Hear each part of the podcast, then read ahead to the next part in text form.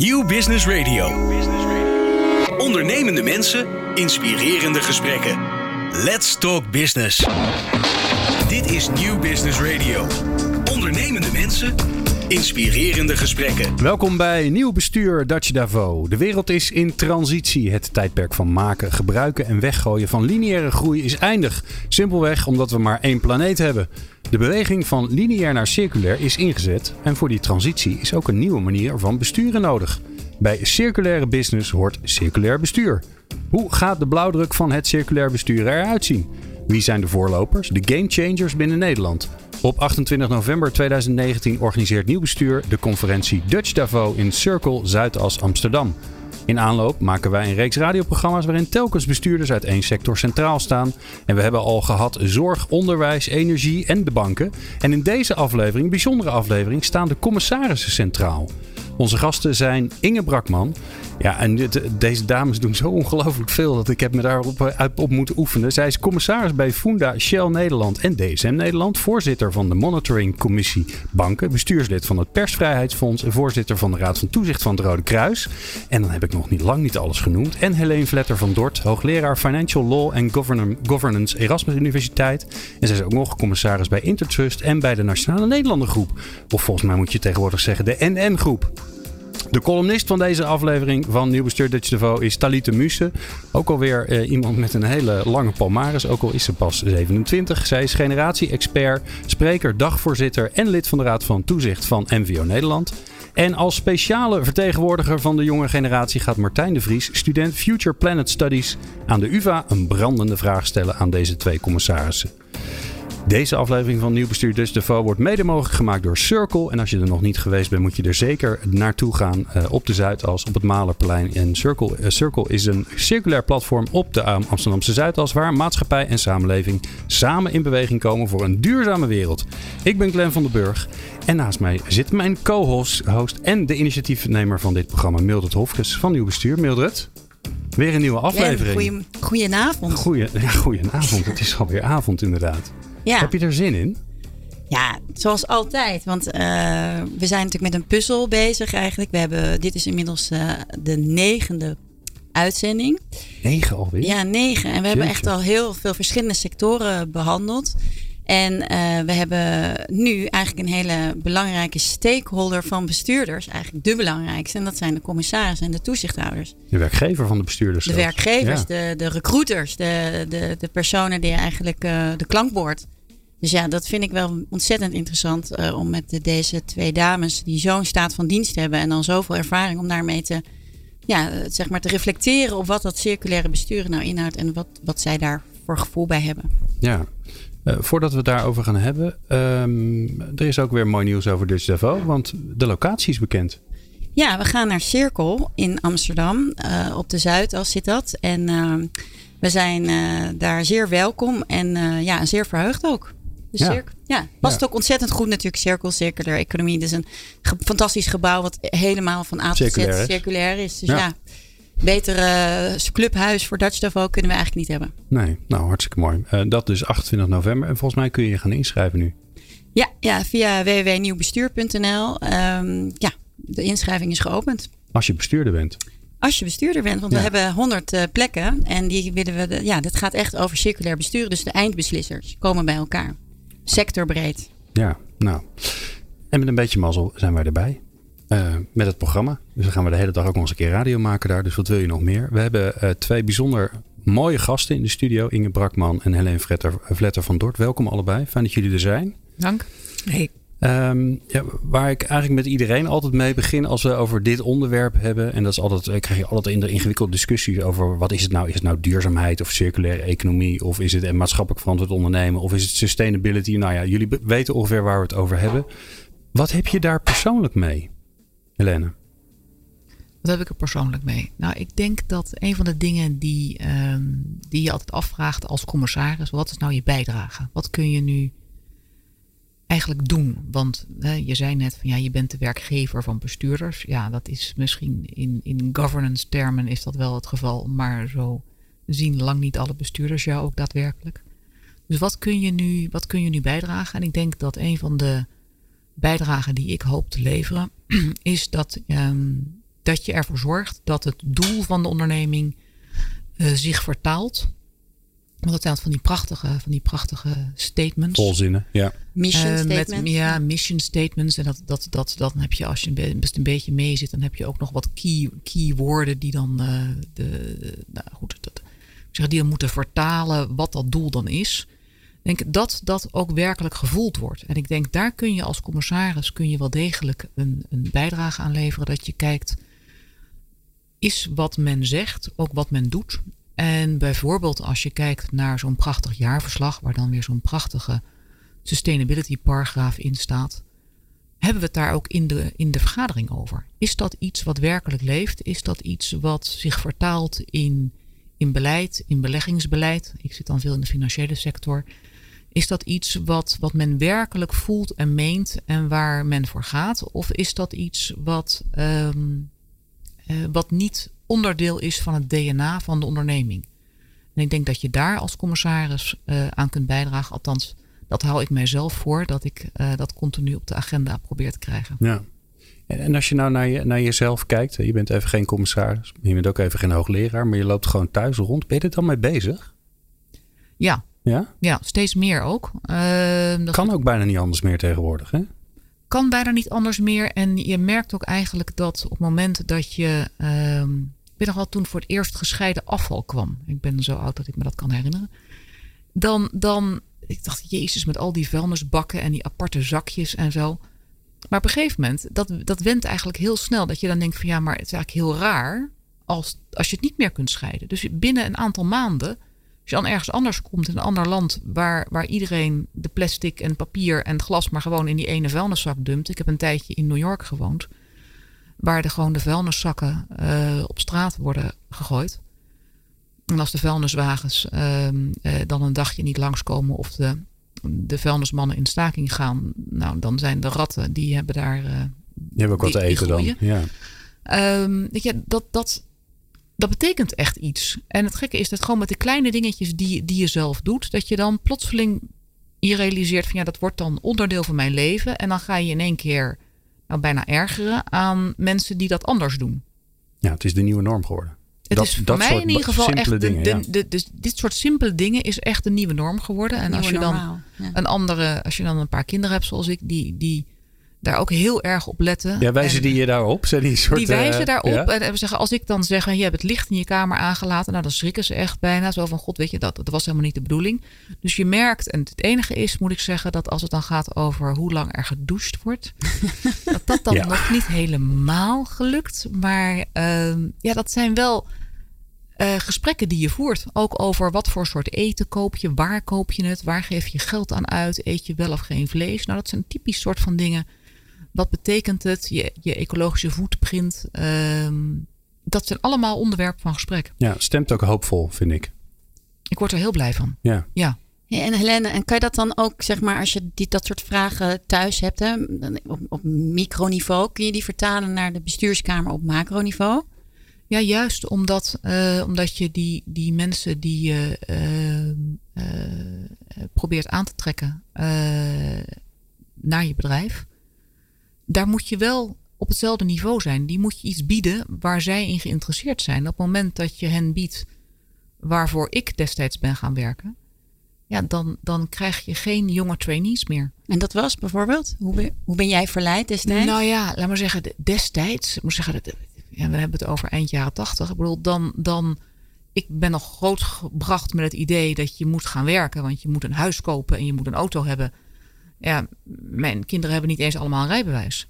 Dus um, je hebt, en je gaat bij het grootste kantoor, want daar verdien je het meeste geld. En dan kun je dus eerder die doelen van je eigen huis en je eigen auto bereiken. Ja, en op een gegeven moment dan realiseer je je dat dat helemaal eigenlijk niet is wat jou drijft, maar dat is gewoon wat er van je verwacht werd. Ja, ja herkenbaar hoor. Ik wilde zo lang mogelijk titel op mijn kaartje. En ik wilde sowieso een kaartje. Vond ik heel belangrijk oh, om een kaartje, kaartje te hebben. En, en ja, in mijn hè? geval, ik ben begonnen als advocaat op het briefpapier. Oh. Dat was echt wel ja. heel belangrijk. oh, mooi, ja. uh, uh, Inge, Inge, Inge Brakman, uh, wat heb jij ermee persoonlijk met dit thema? ja, veel. Ik, ik denk dat wij allemaal nog wel, en dat voel ik zelf ook, dat je ehm, heel graag een bijdrage wil leveren aan iets wat goed is. En dat zit zo diep in de mens gebakken. En daar zijn we met heel veel bureaucratische systemen wat van afgekomen. En je merkt dat ehm, als je aan mensen zelf vraagt wat ze denken wat nodig is in deze omgeving, in deze samenleving, en wat goed zou zijn, dan komen ze eigenlijk allemaal een beetje op hetzelfde uit. Namelijk dat je wat moet doen aan de natuur, aan beter samenleven, aan wat meer verdelen en wat bewuster omgaan. En um, het is ontzettend leuk om daarmee bezig te zijn. Dus het zit um, in me om dat te zoeken, want dan heb ik ook leuk werk. En ik merk ook dat het mensen motiveert om, um, nou, om, om heel hard te werken en er ook heel veel um, voldoening uit te halen. Dus het zit heel dicht in de mens zelf. En als je dat gaat opzoeken, dan zie je ook dat de ogen gaan stralen en dat er lol is en dat er weer een beetje dynamiek ergens in komt. En uh, die dynamiek die krijg je niet als het uh, gaat over het uh, volgen van allerlei regeltjes of heel veel bureaucratische processen. Ja. Dus het is een enorme motivator. En als ik nou, ik ga een dagje met jou mee. niet, niet zoals ik nu ben, want dat zou een beetje te, te volle neus zijn om, om de hele tijd met je achter je aan te lopen. Maar ik ben een, ben een vliegje en ik vlieg achter je aan. Wat zie ik dan in jouw gedrag? Waardoor ik denk, ja, die is er mee bezig.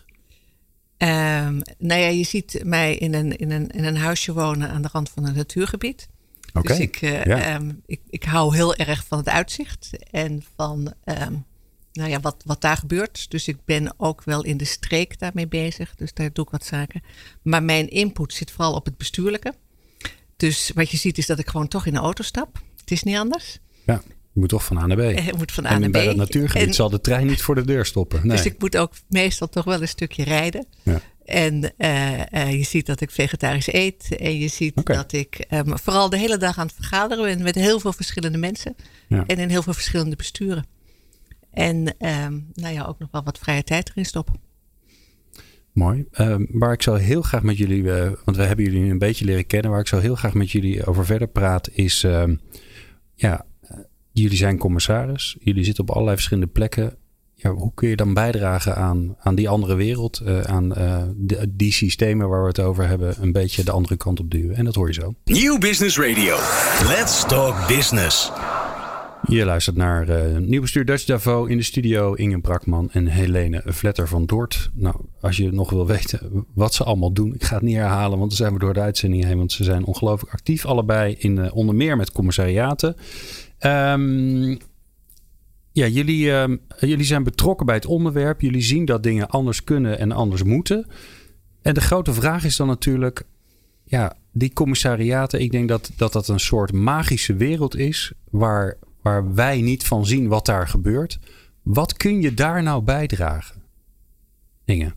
Hmm, heel veel, denk ik. Kijk, commissarissen die uh, worden geacht vooral vragen te stellen. Dus je kunt twee dingen doen. Dat is namelijk. En, en je bent verantwoordelijk voor het besturen. Goede mensen aantrekken is één, allerbelangrijkste. Het scheelt ook heel veel werk als je goede mensen hebt aangetrokken. Hoef je zelf minder te doen. Um, uh, en mensen aantrekken vind ik die uh, bezig zijn met de samenleving en met de toekomst.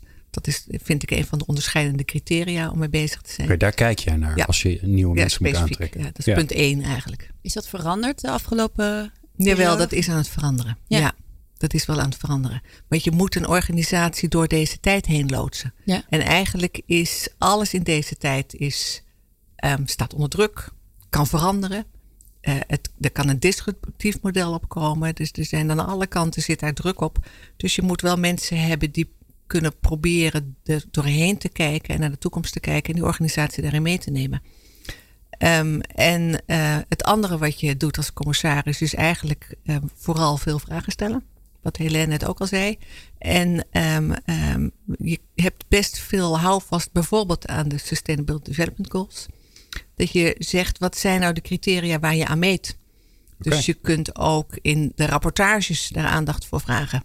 Maar je kunt ook aandacht vragen in de strategie, want daar ga je over. Je kijkt naar de jaarcijfers. Je kunt zeggen dat bepaalde zaken op gerapporteerd moet worden. Dus, um, kun, je daar voorbeeld, kun je een voorbeeld noemen van nieuwe criteria waar jullie dan Nou, je ziet nu de omslag bij veel bedrijven van een gewone verslaggeving, die heel erg gaat over de financiële cijfers, naar integrated reporting. Dat doen we dan gelijk ook Engels, dat weet ik ook niet precies waarom, maar dat, dan klinkt het ook weer wat spannend. Omdat de economie internationaal is. Daar kunnen we ook niks aan doen. Dan vraag je aan de onderneming, neem nog andere criteria bij. Um, hoeveel water gebruik je? Uh, hoeveel CO2 stoot je uit? Hoeveel elektriciteit gebruik je? Wat is je footprint? Wat zijn de sociale dimensies? Op het moment dat je een bestuur erop triggert om daar cijfers over te geven, dan zit het een beetje in de mensen om het jaar daarna er beter op te willen performen. Ja. Dus je ziet nu, sommige bedrijven doen het nog niet, andere bedrijven doen het wel. ABN AMRO heeft weer een stap verbeterd eigenlijk het afgelopen jaar. Die heeft ook een, zelfs een Human Rights Report erbij gezet en facts and figures. Allemaal in het Engels trouwens. En nog weer een impactrapportage. Dus je ziet dat bedrijven daarmee aan het spelen zijn om dat eigenlijk steeds meer toe te snijden op circulariteit. Of op wat, hoe belasten wij zelf ook de aarde. En um, als je die jaren naast elkaar legt, dan komt er ook een trigger om er wat in te doen. Nou, dat is het begint dus wel. typisch een debat om te voeren rondom de jaarverslaggeving. Waarom zie ik het niet in het jaarverslag? Staat het er wel in? Wat betekent het? Hm. Wat heb je nu daadwerkelijk opgenomen? Welke grondslag gebruik je? Want je kunt natuurlijk nu nog lekker sjommelen, want het staat allemaal nog niet zo vast hoe je met die cijfers om kunt gaan. Maar daar, dat is bijvoorbeeld een mogelijkheid om, om dit thema um, ook, ook echt um, op het niveau van de kwantitatieve gegevens te voeren. Maar het begint dus bij een commissaris die een vraag stelt. Zeker. Ja, ja maar daarvoor zit je daar. Ja. En eh, Elena, als je dan om je heen kijkt, want eh, je, je bent niet in je eentje commissaris, er zijn er meestal meerdere. Is dat dan iets wat jullie bijzonder maakt of is dat ondertussen gemeengoed? Doet iedereen dat? Nee, ik denk dat iedereen, iedereen stelt vragen. Uh, er is natuurlijk ook, uh, ik denk de afgelopen tien jaar is um, het eisenpakket wat wordt gesteld aan een commissaris is aanzienlijk opgeschroefd.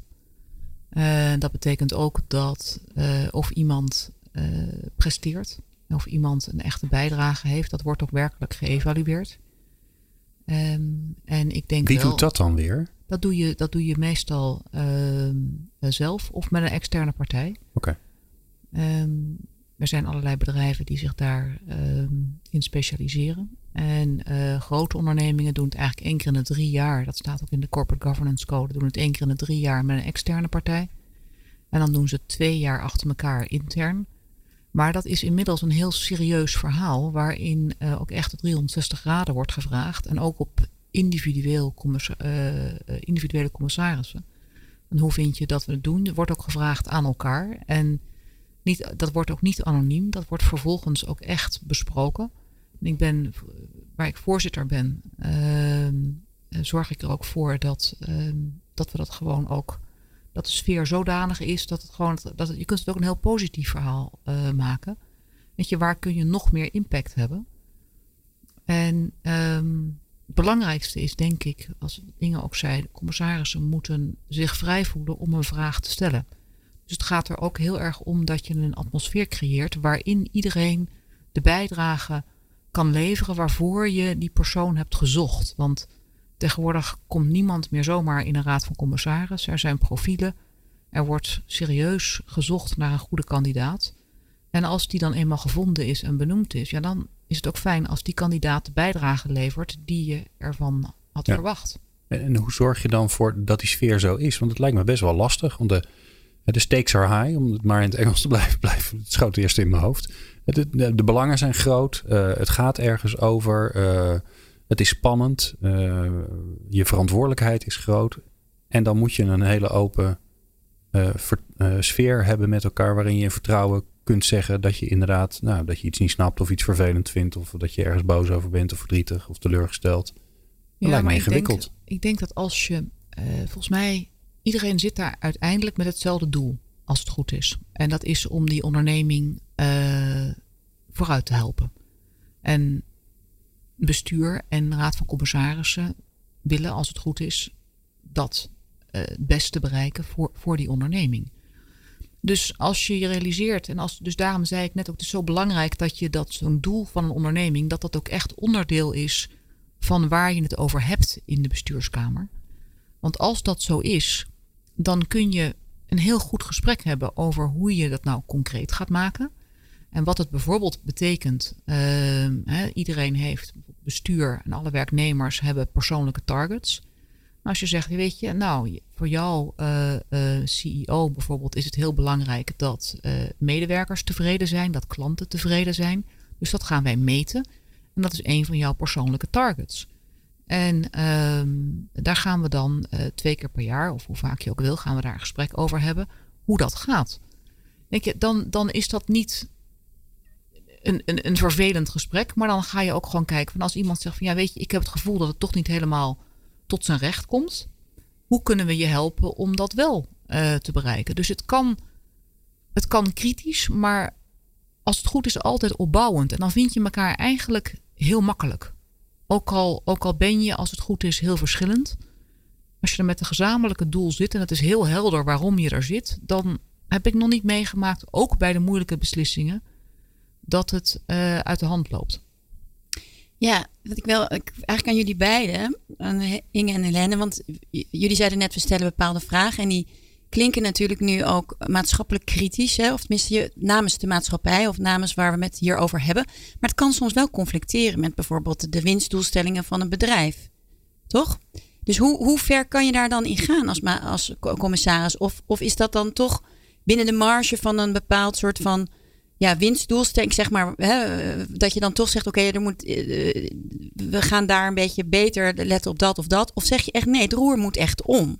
Of is dat te radicaal? Kan een uh, commissaris dat niet? Ja, op zich is de commissaris is de toezichthouder en de raad van bestuur bepaalt de strategie en bepaalt het beleid. Dus je kijkt, je zit op de achterbank. Je bent niet degene die zelf aan het roer zit. Je zit op de achterbank en je kijkt mee. Door het stellen van die vragen kun je op zijn minst dilemma's blootleggen. En een van die dilemma's die zou ook kunnen zijn, um, als wij nu meer aan, aan circulariteit doen, dan is dat een probleem voor onze winst. Maar dan zijn dat eigenlijk, het zijn wel misschien wat meer processen voor de lange adem. Dat je wel een bestuur uitdaagt om um, wel ook de bijdrage te leveren aan de samenleving. Overigens ook heel belangrijk voor het personeel en voor de binding van het personeel. Waarschijnlijk, en eigenlijk weet ik het wel zeker, van belang voor het overleven van het bedrijf. Dus je kunt op de korte termijn zitten, waar de beurs op zit. Maar je kunt ook zeggen, ik moet toch een beleid hebben voor de lange termijn om te overleven. Dan kun je deze vragen niet negeren. Je moet ze stellen en je moet ze gaan beantwoorden. Daar ben ik heilig van overtuigd. Nou, je ziet het aan een bedrijf als DSM, daar ben ik inderdaad ook commissaris, dat um, in alle vezels wordt gevoeld dat je naar de toekomst moet kijken. Dus um, de development en, en, um, en, en, en de hele researchafdeling is erop gericht om bij te dragen aan minder gebruik van materiaal, beter materiaal, eigenlijk verduurzaming, wat dan ook. En uh, je ziet dat dat is een beleid wat eigenlijk al zeven tot tien jaar geleden is ingezet. En uh, de, de, de beurskoers is sky high. Dat, dat bedrijf ja, dat is, ja, is mooi voorbeeld, ongelooflijk succesvol. Ja. En daar kom je ondernemers tegen die zeggen: wij zijn zo succesvol omdat wij de toekomst serieus nemen. Omdat wij hiermee bezig zijn. Dus dat zijn een paar echt fantastische voorbeelden waar andere bedrijven nog niet zijn, maar die ook al wel laten zien dat het kan. Ja, wat wij uh, doen bij Nieuw Bestuur Dutch Devo is dat wij, de, dat gaan jullie straks ook nog doen na de uitzending, is dat wij de, eh, de gast in de studio vragen om een vraag te stellen aan de volgende gasten. Dus ik heb een, uh, ik heb een vraag klaarstaan van uh, Kirsten Konst. Zij is lid van de groepsdirectie van Rabobank Nederland. En die, die stelt u een vraag. Mijn naam is Kirsten Konst van de Rabobank. Mijn vraag is: hoe kijken de commissarissen aan tegen de rol van aandeelhouders in het versnellen van de circulaire economie? Of juist niet? Ja, of juist niet. Die kwam er nog even, die kwam er nog even achteraan. Nou, uh, Helene, ja, ik heb um, een vrij kritisch stukje geschreven, um, artikel, over de vraag of een aandeelhouder eigenlijk wel de eigenaar is, of de belangrijkste stakeholder van de onderneming. Um, dus hoe kijk ik aan tegen de rol van de aandeelhouder? Ik denk dat er een nieuw perspectief aan het ontstaan is op die rol van de aandeelhouder. En dat uh, voor een onderneming het belangrijk is, natuurlijk die op de beurs genoteerd is, uh, daar hebben we het dan over. Als je één aandeelhouder hebt, dan is het gesprek iets makkelijker. Maar als je dus een, een, uh, een wijd verspreid uh, aandeelhoudersbestand hebt, dan is de vraag of je of die in iedere individuele aandeelhouder zich nu werkelijk beschouwt als eigenaar. En ehm, daar gingen we altijd helemaal van uit. Maar uh, als je dat gesprek aangaat, dan zie je dat dat eigenlijk steeds minder het geval is. Uitzondering daarop zijn natuurlijk de institutionele beleggers, die daadwerkelijk de macht hebben, maar eigenlijk opnieuw aan het uitvinden zijn hoe ze daarmee om zullen gaan. En je ziet uh, dat uh, een aantal van die grote beleggers inmiddels een heel duidelijk beleid heeft over uh, in wat voor soort ondernemingen zij wel en niet willen investeren. En um, wat voor rendement daar dan bij past. Het enige wat dan nog ontbreekt, is dat zij hun eigen doelen die zij stellen aan de ondernemingen waarin zij investeren, dat ze dat helder communiceren met hun achterban en dat weten te vertalen naar wat betekent dat dan voor mij als mhm. belegger in die grote investeerder, in die asset manager. Ja, want ook daarvoor geldt dat een, een, een, iemand die een pensioen heeft, voelt zich ook geen aandeelhouder. Iemand die een pensioen heeft, voelt zich geen aandeelhouder. En um, op het moment dat een PGGM zegt: wij zijn ongelooflijk groen. En uh, wij investeren nu alleen nog maar in bedrijven die um, uh, op een sustainable en duurzame manier uh, hun bedrijf runnen. Dat betekent voor jou, en ik noemde hem in het voorgesprek, dat betekent voor jou als pensioengerechtigde dat je de eerste vijf jaar van je pensioen uh, waarschijnlijk tussen de 90 en de 95 procent van je verwachte inkomen zult krijgen en daarna wellicht meer. Dan zie je, dan verwacht ik zomaar dat die pensioengerechtigde zegt: ja, maar dat is zomaar niet de bedoeling. Dus ik denk dat waar het nog aan schort, is dat gesprek van die uh, institutionele beleggers met hun achterban over uh, vertalen wij jullie wensen op de goede manier en weten jullie dan wat dat voor je kan betekenen?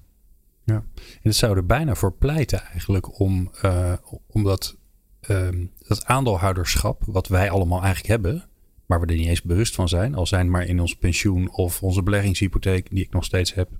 Uh, ja, dat is natuurlijk allemaal diffuus. Dat, je hebt geen idee. En, en vroeger, heel lang geleden, had je natuurlijk, kreeg je nog zo'n mooi stuk papier waarop stond dat je aandeelhouder ergens van bent. Misschien dat moet dat. Ja, zonde eigenlijk, toch? In, uh, dit jaar wordt het toonderbewijs voor uh, individuele aandeelhouders is. Uh, Echt waar? Is afgeschaft. Het bestaat niet langer. Ja, terwijl we volgens mij vanuit de psychologie weten dat als je, als je iets, iets echt hebt en van jou is en je kan het aan de muur hangen, dan ga je je heel anders gedragen. Veel verantwoordelijker dan dat het ja, iets wazigs je gaat er niet, Je gaat er in ieder geval over nadenken. Ja, ja. ja. Nou, uh, we hebben nog een vraag, namelijk van uh, Maurice Oostendorp. Dat is de, uh, de CEO van de Volksbank. Ik ben Maurice Oostendorp, de voorzitter van de Volksbank. Mijn vraag aan jullie is de volgende. Een veranderd pad in de toekomst is per definitie niet een pad wat vaststaat. Een rol van raad van commissarissen richt zich op controle en coaching. Hoe vind je de juiste balans tussen die twee als je overtuigd bent dat het bedrijf de vaart naar voren moet maken? Nou, Inge. De eerste vraag is natuurlijk: zijn dat de twee dingen waar jij op richt? Hè? Dat kun je. Beste, ja. beste Maurice. nou, we kunnen er een uh, wederzijdse column van maken. Ja. Um, kijk, je, ik, ik denk, je hebt verschillende rollen als commissaris. Je, je, bent, je doet de controle eigenlijk. Toezicht doe je. Je bent de adviseur. Je bent de werkgever. Je bent de ambassadeur. Je hebt eigenlijk verschillende rollen in, in, um, uh, in de Raad van Commissarissen. Een belangrijke rol is adviseur, dan maar klankbord. En daarin kun je, um, ben je eigenlijk ook wel degelijk een soort coach. En wat de commissarissen doen over het algemeen, want ze, uh, je je kunt bijna niet bijhouden wat er allemaal in de onderneming gebeurt. Er gebeurt heel veel, dus je wordt zo goed mogelijk op de hoogte gesteld. Maar je zit daar niet de hele dag aan tafel. Wat je vooral doet, is de buitenwereld binnenbrengen. En via um, het binnenbrengen van de buitenwereld um, en vertellen wat je in andere werelden doet. Daarom zit ik zelf, zowel in de NGO-kant als in de private kant. Dat is voortdurend, wat ik doe, is voortdurend spiegelen kijk daar. En ik heb net dit gehoord. En ik ben voor het Rode Kruis in het buitenland geweest. En er komen alleen maar nog meer migratiestromen. Of dat soort rampen staan er daar en daar te wachten. Dan geef je een ander beeld mee aan een, uh, een bestuurder die de hele dag met zijn eigen, um, eigen bedrijf bezig is. Om wat verder te kijken.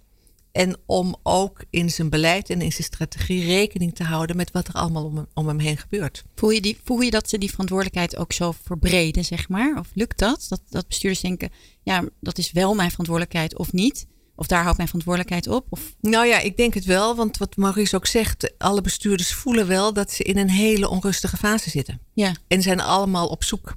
En ehm, we weten intussen allemaal wel dat er niemand is die precies weet hoe het er over vijf jaar uitziet. En dat hij het ook niet kan voorspellen. En dat hij daar dus ook wel wat hulp bij kan gebruiken. En een bestuurder die denkt dat hij het wel precies weet, is waarschijnlijk niet helemaal op zijn plek. dus eh, dan heb je een ander gesprek. Dat kan ook een coachingsgesprek mooi, ja. buiten de deur zijn. Ja. Weet je, dus, dus daar, eh, ja, dus, dus, da- dat, dat zijn de discussies waar je het wel over hebt. ik vraag het toch even, hoeveel procent vind jij is al bezig met dat, eh, ik weet het niet over vijf jaar? En hoeveel procent weet het zeker? Of doe het net alsof. Of doet net alsof? Kan, kan, kan, kan je dat ik absoluut niet voor zeggen. Ehm, ehm, ik weet dat ik bij eh, de, bestu- de besturen waar ik bij zit, of de, de, de, de ondernemingen waar ik bij zit, gaat het haast. ehm, eh, nou ja, de, helft van de tijd ga je, ga je terugkijken en de andere helft van de tijd ben je bezig met wat is er nu aan de hand en hoe moeten we daarmee omgaan. Dus er is niemand bij, de, bij de besturen waar, waar ik zit die zegt van ik weet precies hoe het eruit zit. Echt niet. Ja. Ja. En dat is nieuw, vind jij? Dat is anders dan een paar jaar geleden?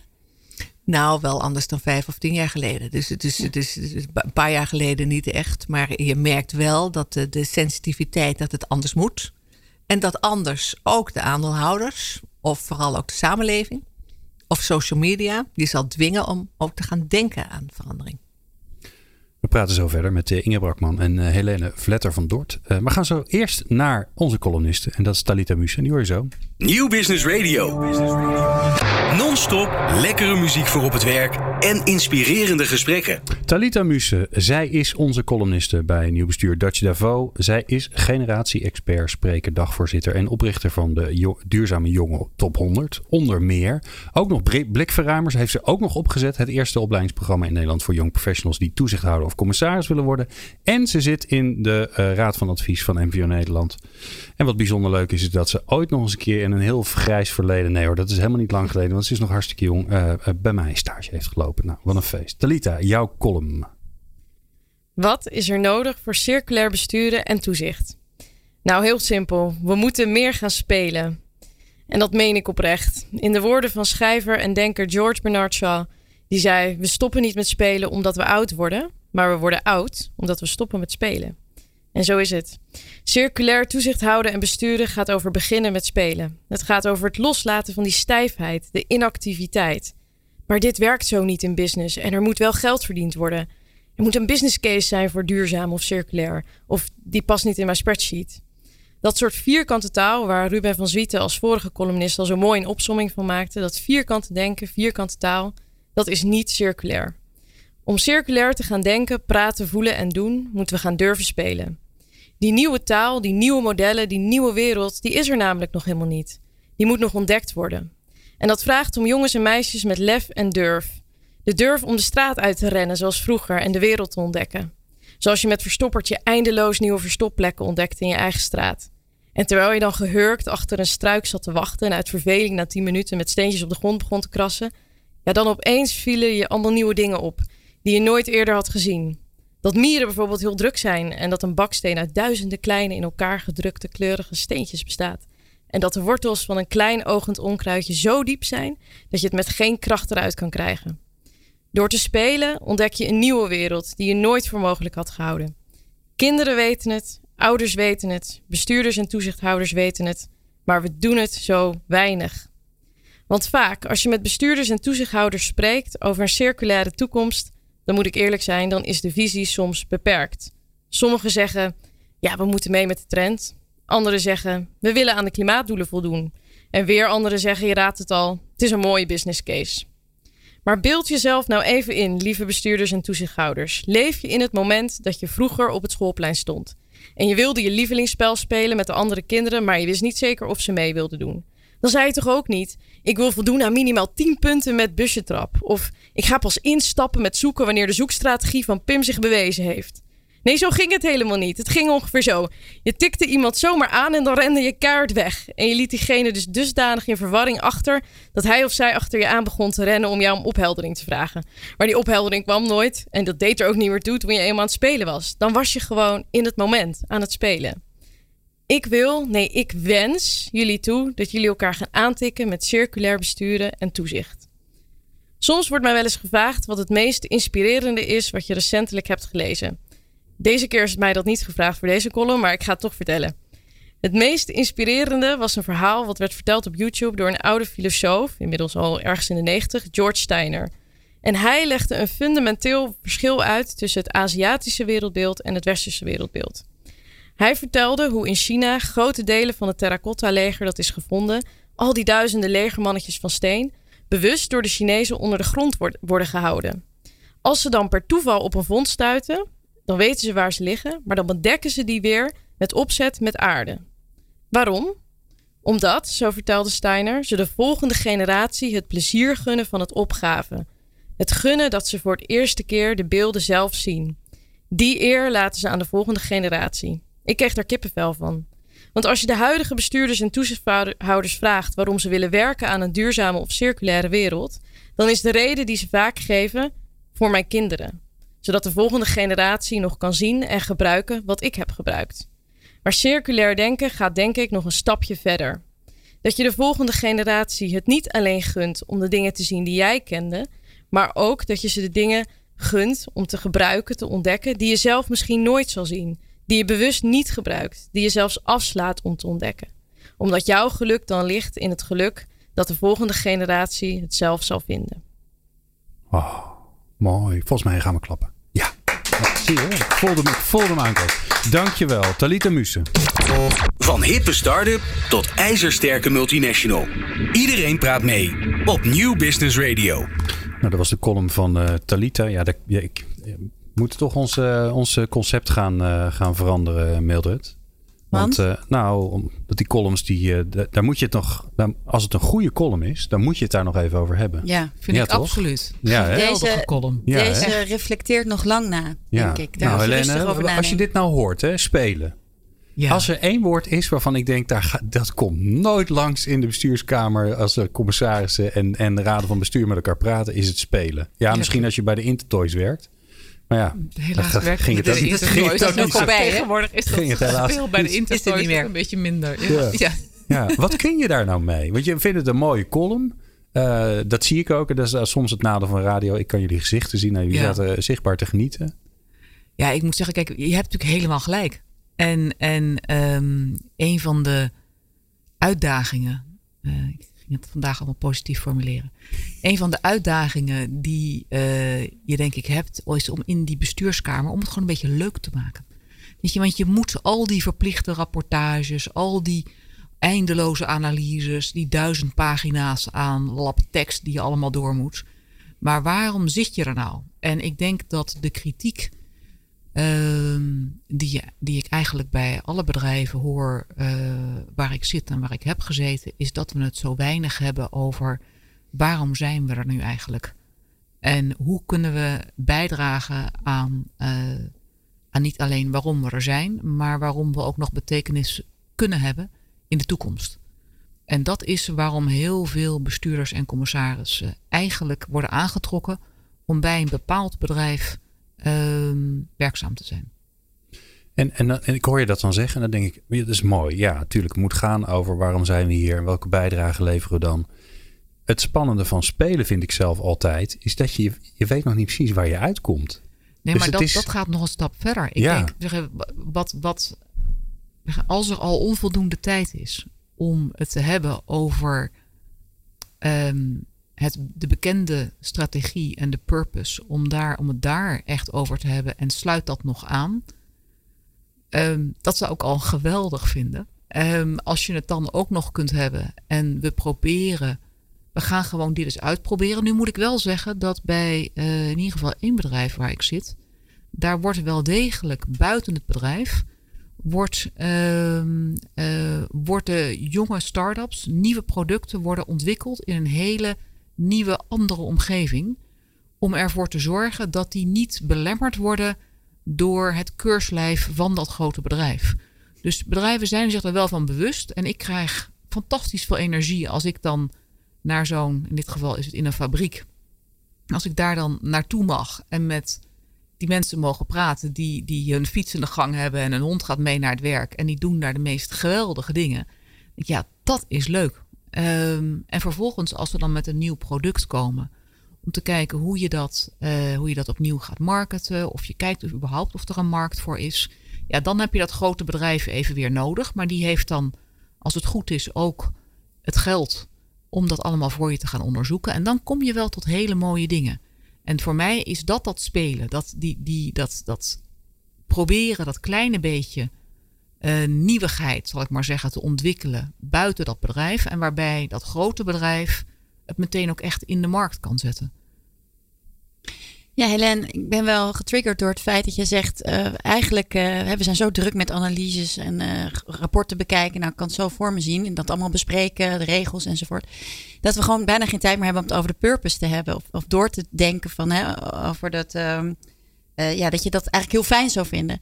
Maar Inge, jij hebt toch ook een keer verteld dat jij de agenda wel eens omdraait? Om te zorgen dat je er wel tijd voor hebt? Ja, ik denk dat wel voor een deel um, is, is het lastige is de financiële sector, waar Helene er ervaring op doet.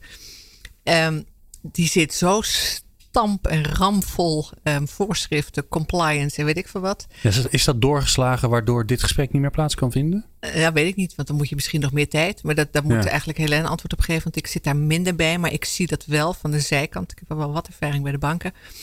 Um, dat je soms eigenlijk um, um, dat, dat je daar heel veel tijd mee kwijt bent om dat goed te doen. Als je bij bedrijven zit waar, waar de, waar, de, productie zit, dan ben je ook wel heel erg met die productie bezig. En ben je dus ook bezig met het vraagstuk van de innovatie. en ik heb inderdaad bij een aantal bedrijven, maar dan moet het ook wel een beetje netjes op orde zijn. Dus dan moet je vertrouwen hebben dat de cijfers, dat het goed loopt, dat er controle op is. En ik noem het meestal de hygiëne op orde is. Dat je het, het, gevoel hebt dat, dat, dat ze het allemaal best in de vingers hebben. Dan kun je de agenda omdraaien en dan zeg je: we gaan het eerst over de strategie en de innovatie hebben. En dan is iedereen nog fris. En dan neem je daar ook ruim de tijd voor. En dat doe je aan het eind van de vergadering, die financiën en de governance. Dat vind ik vaak een beetje huiswerk. Dus, maar het, je moet het wel doen. Maar dan doe je aan het eind doe je het huiswerk. Want dan zit de energie van de vergadering, die zit nog op de, nou ja, op de, op de nieuwe dingen. Nou, en of je kunt spelen of niet. Dit, hij is natuurlijk heerlijk. Hij blijft enorm hangen. Dus het is inderdaad een fantastische column. Um, ik denk dat je wel moet toezien dat er in het bedrijf ruimte is om te spelen. Dus hoe gaat zo'n, um, um, hoe worden de medewerkers gestimuleerd door een raad van bestuur? zitten ze vast? Zitten ze in een keurslijf en zit daar heel veel rapportages in? hoe ga je, neem, je ze mee? Welke ruimte geef, krijgen ze? En je ziet daarin ook, dat is nog lang niet opgelost, want de enorme burn-out is, is natuurlijk een probleem voor veel bedrijven en voor veel jongeren. Maar dat zit voor een deel ook nog in zowel informatieoverload, maar ook in het vraagstuk van je eigen verantwoordelijkheid. Dus kun je zelf een beetje bepalen wat je doet in een organisatie. Word je er zelf ook nog op aangesproken. En dat geeft veel meer voldoening. En die ruimte, die moet je met elkaar vinden. En het liefst met je spelende wijs. Want dan, dan. dan het, het, maar kijk je daar naar, wat is cultuur hè, waar je het over hebt? Kijk je, maar natuurlijk. Hoe, heb, hoe kun je daar naar kijken als commissaris? Want dat voel je alleen als je erin bent. Ja, maar dat is, je, je hebt ook al informele bijeenkomsten. En je gaat eens ergens kijken. Okay. En je gaat in de fabriek kijken of je gaat op werkbezoek. Je spreekt met andere maar mensen. Maar dan komt mevrouw de commissaris. Die komt dan. Dan gaat iedereen, uh, iedereen netjes doet zijn pak aan. Nou, maar ik, ik ben meestal voor de contacten met de ondernemingsraad. Dus ah, dan heb, je, heb ik altijd sluipwegen. echte mensen, ja, ja. dus dan mag ik op een andere manier. Kom ik via de achteringang, mag ik ook binnenkomen. En uh, het is ook typisch iets wat je gewoon kunt vragen. Wat doen jullie aan de cultuur? Wat doe je? Wat doe je met de mensen? Um, zijn ze fit? Of zitten ze allemaal achter hun, uh, uh, achter hun scherm te lunchen? Gaan ja. ze naar buiten? Um, een van de manieren om eh, te zorgen dat wij hier de cultuur uh, jong en fris houden, uh, is omdat wij elke aflevering iemand uitnodigen. Een van de, van de leden van Young Dutch Davo, die nodigen wij uit om hier een vraag te stellen. En vandaag is dat Martijn de Vries. Dus Martijn, je moet even omlopen naar de, naar de microfoon of dat ding een zwiep geven. Ja, dat is ook prima. Martijn is student Future Planet Studies. Nou, we gaan maar niet vragen aan hem wat het is, want dat, dan zijn we een halve uitzending verder, denk ik. Aan de UVA. En hij mag een brandende vraag stellen aan de twee commissarissen. Ja, um, mijn vraag gaat eigenlijk uh, waar we het nu net over hadden, over die cultuur. Um, ik heb nu veel podcasts mogen luisteren van Dutch Devo en uh, vorige week ook een paar bestuurders mogen spreken. Uh, en het heeft over die cultuur. En die cultuur, een van de punten die nog mist, die, die ik nog mist, is kwetsbaarheid. We hebben het ook over spelen. Kwetsbaarheid lijkt er misschien een beetje op. vorige week met de CSO van DSM mogen praten en die zei van ja, op die, op die moeilijke momenten van onzekerheid waar we het nu de hele tijd over hebben, waar we in zitten, laat ik me leiden door, door mijn gevoel. Dat is ontzettend belangrijk. En toen vroeg ik aan hem van, maar laat je dat gevoel dan ook zien in de bestuurskamer? Want het met, met die mensen met wie je die beslissing neemt. En hoe reageren die mensen dan? Zei hij, nou, dat doe ik bijna nooit. En als ik dat doe, dan uh, ja, is het verontwaardiging. Maar het is toch wel iets heel belangrijks. En ik denk als commissaris, waar je de rol hebt als toezichthouder en als uh, ja, adviseur en klankbord, is het heel belangrijk om daar ruimte voor te bieden. Dat dat het niet meer iets geks is, maar iets normalers. Hoe zou je dat, denken jullie, meer kunnen doen? Dankjewel, Martijn. Nou, Helene, ik kijk maar eens naar jou. Ja, uh, ik vind het een hele mooie vraag. Um, want het is natuurlijk, um, het vereist ontzettend veel zelfvertrouwen om je kwetsbaar te kunnen opstellen. Dus het heeft ook te maken met uh, hoe veilig voelt iemand zich om zich kwetsbaar te kunnen tonen. En ik denk dat het de taak is van de Raad van Commissarissen dat je laat merken dat uh, het helemaal prima is als een bestuurder niet op alle vragen onmiddellijk een antwoord heeft. Sterker nog, dat je je eigenlijk zorgen moet maken als commissaris op het moment dat hij wel op alle vragen antwoord heeft. Dus ik denk dat uh, dat het er vooral om gaat om voor iemand, en het, het, het zo'n platitude van de veilige omgeving, maar daar, dat, dat is het wel. hoe doe je dat dan, Helene? Hoe doe je dat? Hoe zorg je, dat, dat, die, dat die bestuurder durft te zeggen, ja, ik vind dit lastig. Help me daarbij. Maar je haalt de, de, op het moment dat je duidelijk laat merken dat je iemand wil helpen en niet afrekent ergens op. Um, maar dat doe je ook. Ja, maar dat doe je op een andere manier. Kijk, en dat, dat, dat moet, als het goed is, is, is, um, uh, is je doelen bereiken. Dat is enerzijds harde, harde data, maar anderzijds gaat het er ook om dat je constant in gesprek bent en niet aan het einde van het jaar uh, één keer per jaar zo'n gesprek hebt. Maar in de, in, zeggen, bij het bedrijf waar, waar ik voorzitter ben, daar heb ik eigenlijk elke nou, ik spreek zeggen, de CEO een aantal keren in de week, maar ik heb eigenlijk vast um, één keer in de week um, eigenlijk even een belmoment en één keer in de twee weken dan hebben we een afspraak. En dat kan gewoon onder een kopje koffie gewoon even van hoe gaat het en, en of je zegt nou ik heb eigenlijk helemaal niks bijzonders nu uh, gaat allemaal goed. Nou dan is het een ja. telefoongesprekje. Maar op het moment dat je, dat je elkaar meeneemt in de uitdagingen van de, van, van de dag en van het bedrijf, dan kan een bestuurder zich ook kwetsbaar opstellen. En ik denk dat het daar, dat het daarom gaat. En dan is het juist wel krachtig ook. Want dan is het ook weer zo dat je als commissaris het gevoel hebt dat je iets kunt bijdragen. En dan kun je het gesprek in die raad van commissarissen uh, vergadering kun je ook voeren over, nou dit zijn de dilemma's. En je hebt bijna altijd dat mensen dat als positief ervaren. Dus dat, het, dat je er eigenlijk nooit wordt afgerekend op de, vraag, op de punten waarvan je als bestuurder zelf zegt: van ja, ik weet het eigenlijk niet zeker. Omdat iedereen blij is dat hij een bijdrage mag leveren aan het gesprek. Inge, hoe zorg jij voor uh, ja, dat er ruimte is voor die kwetsbaarheid? Wat overigens een heel lastig woord is om in het Engels te vertalen, ben ik achtergekomen laatst. Vulnerable. Ja, maar zo, zo noemen ze dat helemaal niet. Nee. Nee, nee zou hem vertalen. Um, voel je je als bestuurder vrij om je dilemma's te delen? En dan zit je iets minder op de kwetsbaarheid, maar dan laat je wel merken waar, waar, wat houdt je bezig. En, um, en, en dat doe je inderdaad door ook de wijze waarop je vragen stelt. Um, ik vraag regelmatig um, bijvoorbeeld, wat, wat is nou het lastigste op dit moment? wat houdt je het meest bezig? En je kunt natuurlijk ook zelf zeggen. Waar lig je wakker van? Ja, waar lig Ja. je wakker van? Die komt zeker ook langs. Ja. Maar je kunt ook zeggen, ik zie dat en dat. Dat lijkt me hartstikke ingewikkeld in jouw situatie. Hoe, hoe vind je dat? Dus je kunt ook, en, en dat, maar dat, dat zijn meer ehm, ehm, manieren waarop je probeert inderdaad een veilige setting te maken. Dat iemand inderdaad denkt, ik wil wel vertellen wat ik lastig vind. En ik vind het vooral belangrijk om te horen of binnen een raad van bestuur of een managementteam, een directie, of je daarvan terugkrijgt dat ze met elkaar bepaalde dingen doornemen. Of het daar gewisseld wordt. Want dat is minstens zo belangrijk of ze dat met elkaar doen.